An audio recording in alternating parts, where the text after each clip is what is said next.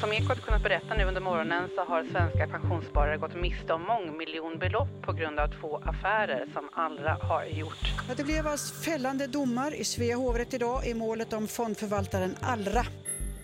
Allra-topparna dömdes till fängelse efter att ha stoppat över 100 miljoner av pensionsspararnas pengar i egna fickor. Jag kom in från semestern, var med familjen. Jag lovat polisen att infinna mig här klockan 12 idag, så jag kommer överlämna mig frivilligt såklart. Men stora delar av pengarna är försvunna.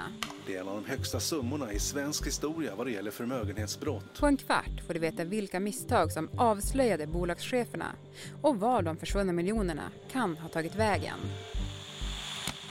Det är torsdag den 19 augusti. Jag heter Alexandra Karlsson och du lyssnar på Dagens Story från Svenska Dagbladet.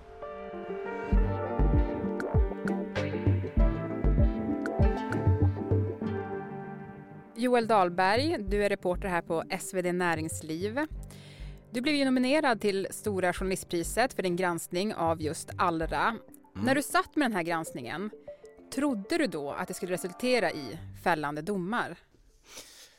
Ja, det trodde jag och det, det, hade att göra med upplägget eh, som man använde sig av som jag tyckte var uppenbart att så här kan man inte få bete sig med spararnas pengar.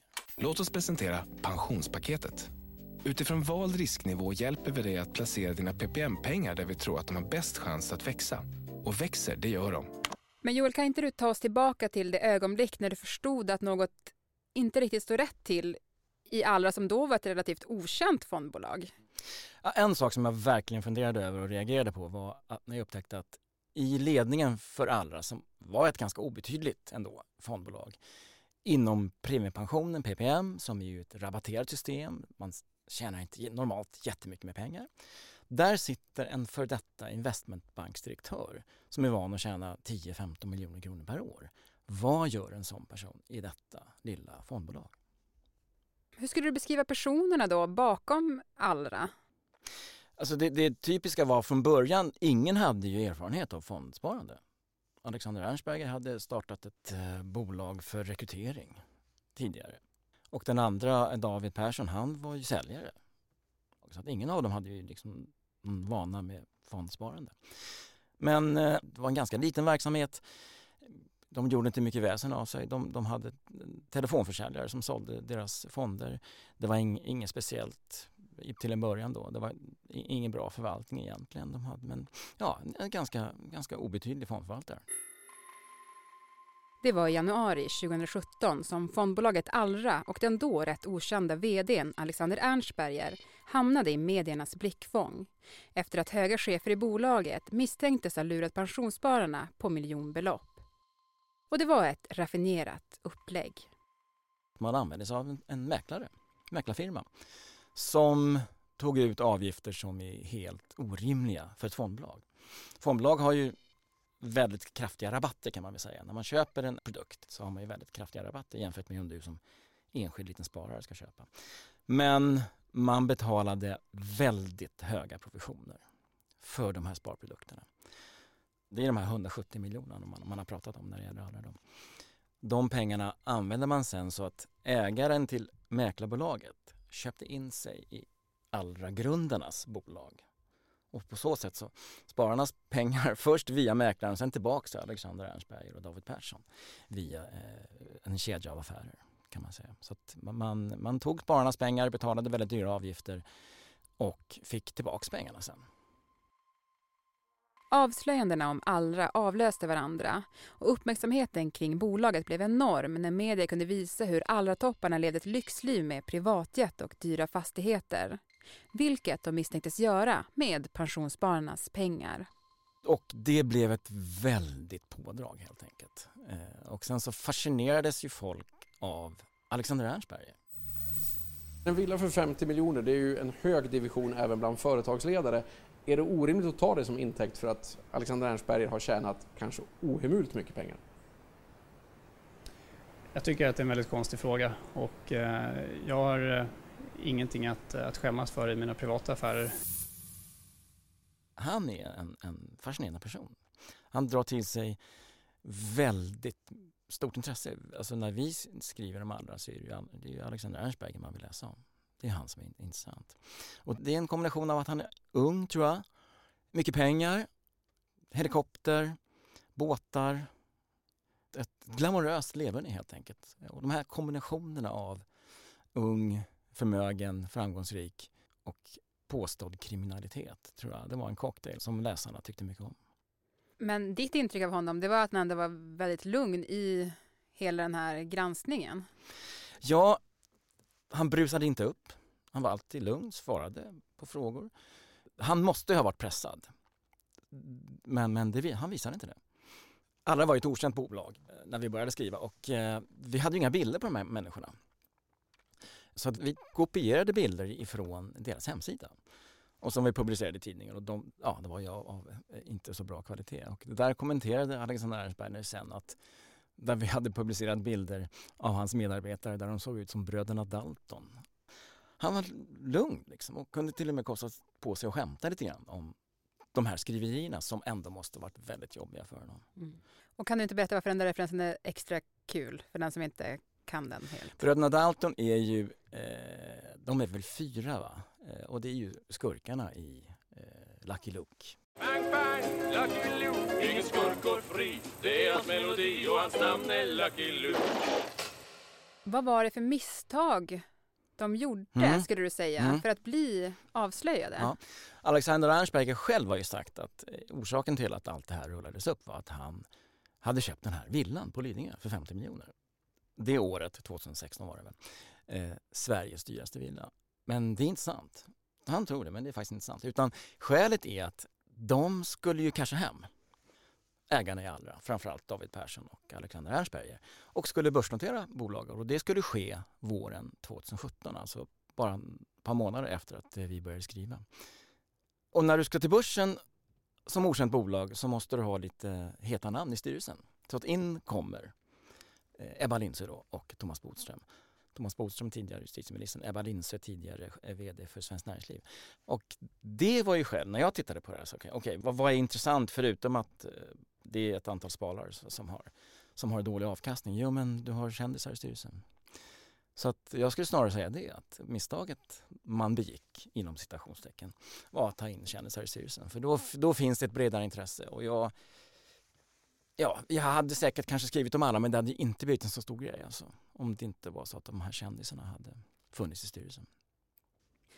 Och eh, som du nämner då, bland annat Thomas är ju, de har ju också fallit ja. i det här. Ja. ja, kopplingen till alla blev ju för svår för dem helt enkelt. Det kom i slag i slag. Först så sparkades de ut ur eh, PPM. Sen så kom ju eh, förundersökningen startades. Och allt det här blev ju till slut för mycket så att eh, Eva Lindsö eh, fick ju lämna sin post som styrelseordförande i sjätte AP-fonden var det väl tror jag.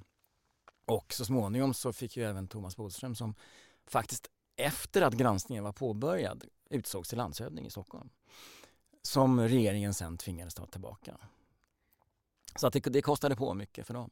Eh, det som jag känner mig trygg i det är att jag inte vet att jag gjort något fel och ännu mer trygg i att sanningen kommer att komma fram. Men Allra-affären blev inte bara en fråga för Pensionsmyndigheten och medierna. Det blev också en av de största ekobrottsutredningarna i svensk historia. I oktober 2018 åtalades VD Alexander Ernstberger och tre andra höga chefer för bland annat mutbrott och trolöshet mot huvudman. Men när tingsrättens dom kom friades samtliga. I somras tog allt en ny vändning. Hovrätten ändrade domen och fällde istället samtliga fyra till fängelse mellan fyra till sex år. Enligt hovrätten är det bevisat att samtliga visste att det de gjorde var brottsligt. Alltså, min värld finns det ingenting att ångra. De här som har dömts nu då, de är dömda att betala ett skadestånd på 170 miljoner som du sa till Pensionsmyndigheten plus ränta. Mm. Och under tingsrättsförhandlingarna så säkrade man ju de här pengarna mm. från åklagarsidan. Mm. Men sen friades de i tingsrätten och då kunde man inte hålla de där pengarna längre. Var är pengarna nu? Det är ingen som vet.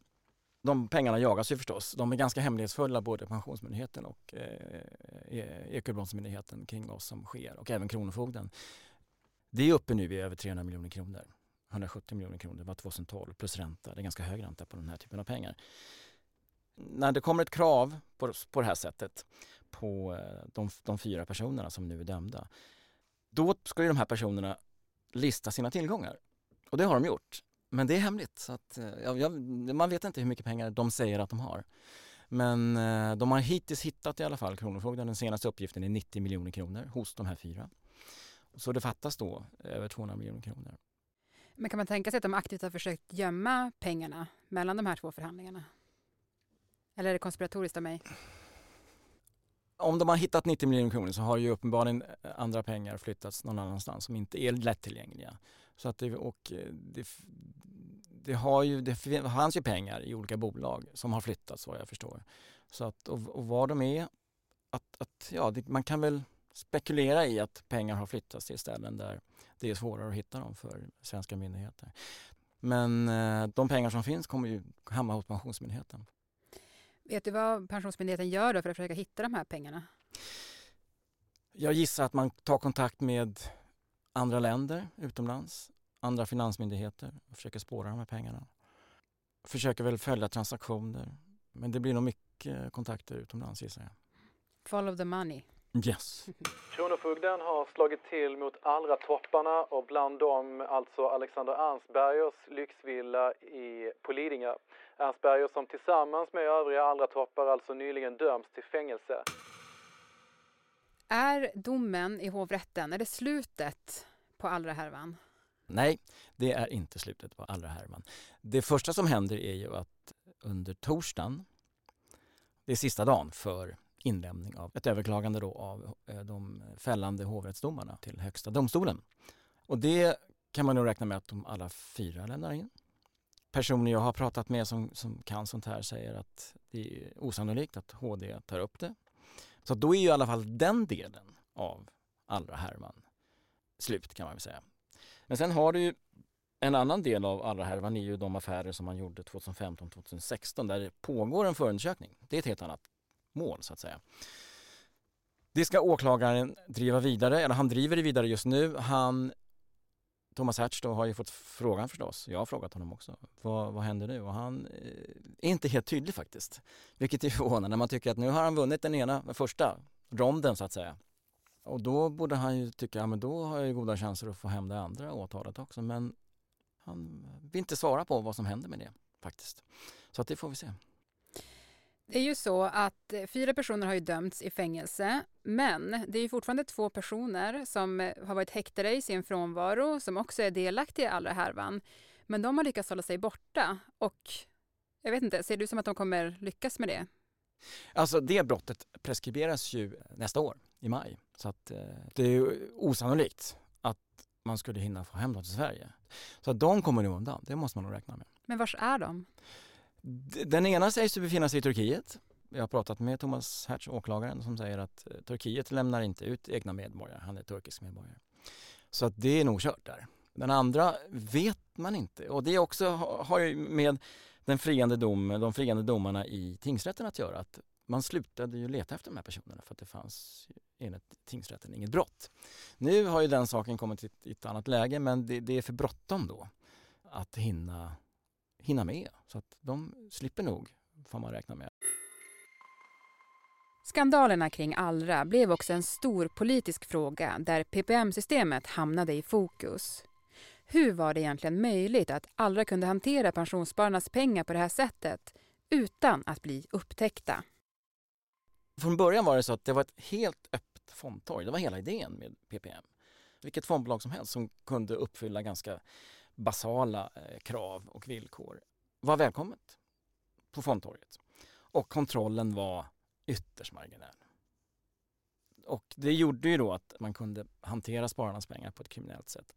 Men nu har man ju då upprättat en stor kontrollorganisation inom Pensionsmyndigheten som kontrollerar noggrant eh, vilka affärer som görs, vilka värdepapper som spararnas pengar är investerade i, om det sker konstigheter i hur de här värdepappren handlas. Alltså en helt annan kontroll. Så att det är stor skillnad. Och det som hände med Allra hade inte kunnat hända idag. De hade upptäckts mycket, mycket tidigare. Till sist Joel, du sa att Allra-skandalen skulle inte kunna hända idag, men eh, kommer man kunna bli lurad på liknande sätt även i framtiden? Alltså så mycket pengar som finns så kommer det definitivt att locka till sig nya personer med med eh, skumma avsikter. Definitivt. Inom PPM finns över 1600 miljarder kronor sparade. Självklart så drar ju den typen av summor till sig folk som tycker att fan det här, här kan vi tjäna lite pengar om vi är smarta liksom. Så att man ska känna sig trygg tycker jag. Men man ska också hålla koll på eh, vad, är det för, vad är det för fonder man har sina pengar i. Tack Joel Dahlberg, reporter på SvD Näringsliv för att du var med i Dagens Story. Tack så mycket. Programmet idag producerades av Daniel Persson Mora. Redaktör var Maria Jelmini och jag heter Alexandra Karlsson.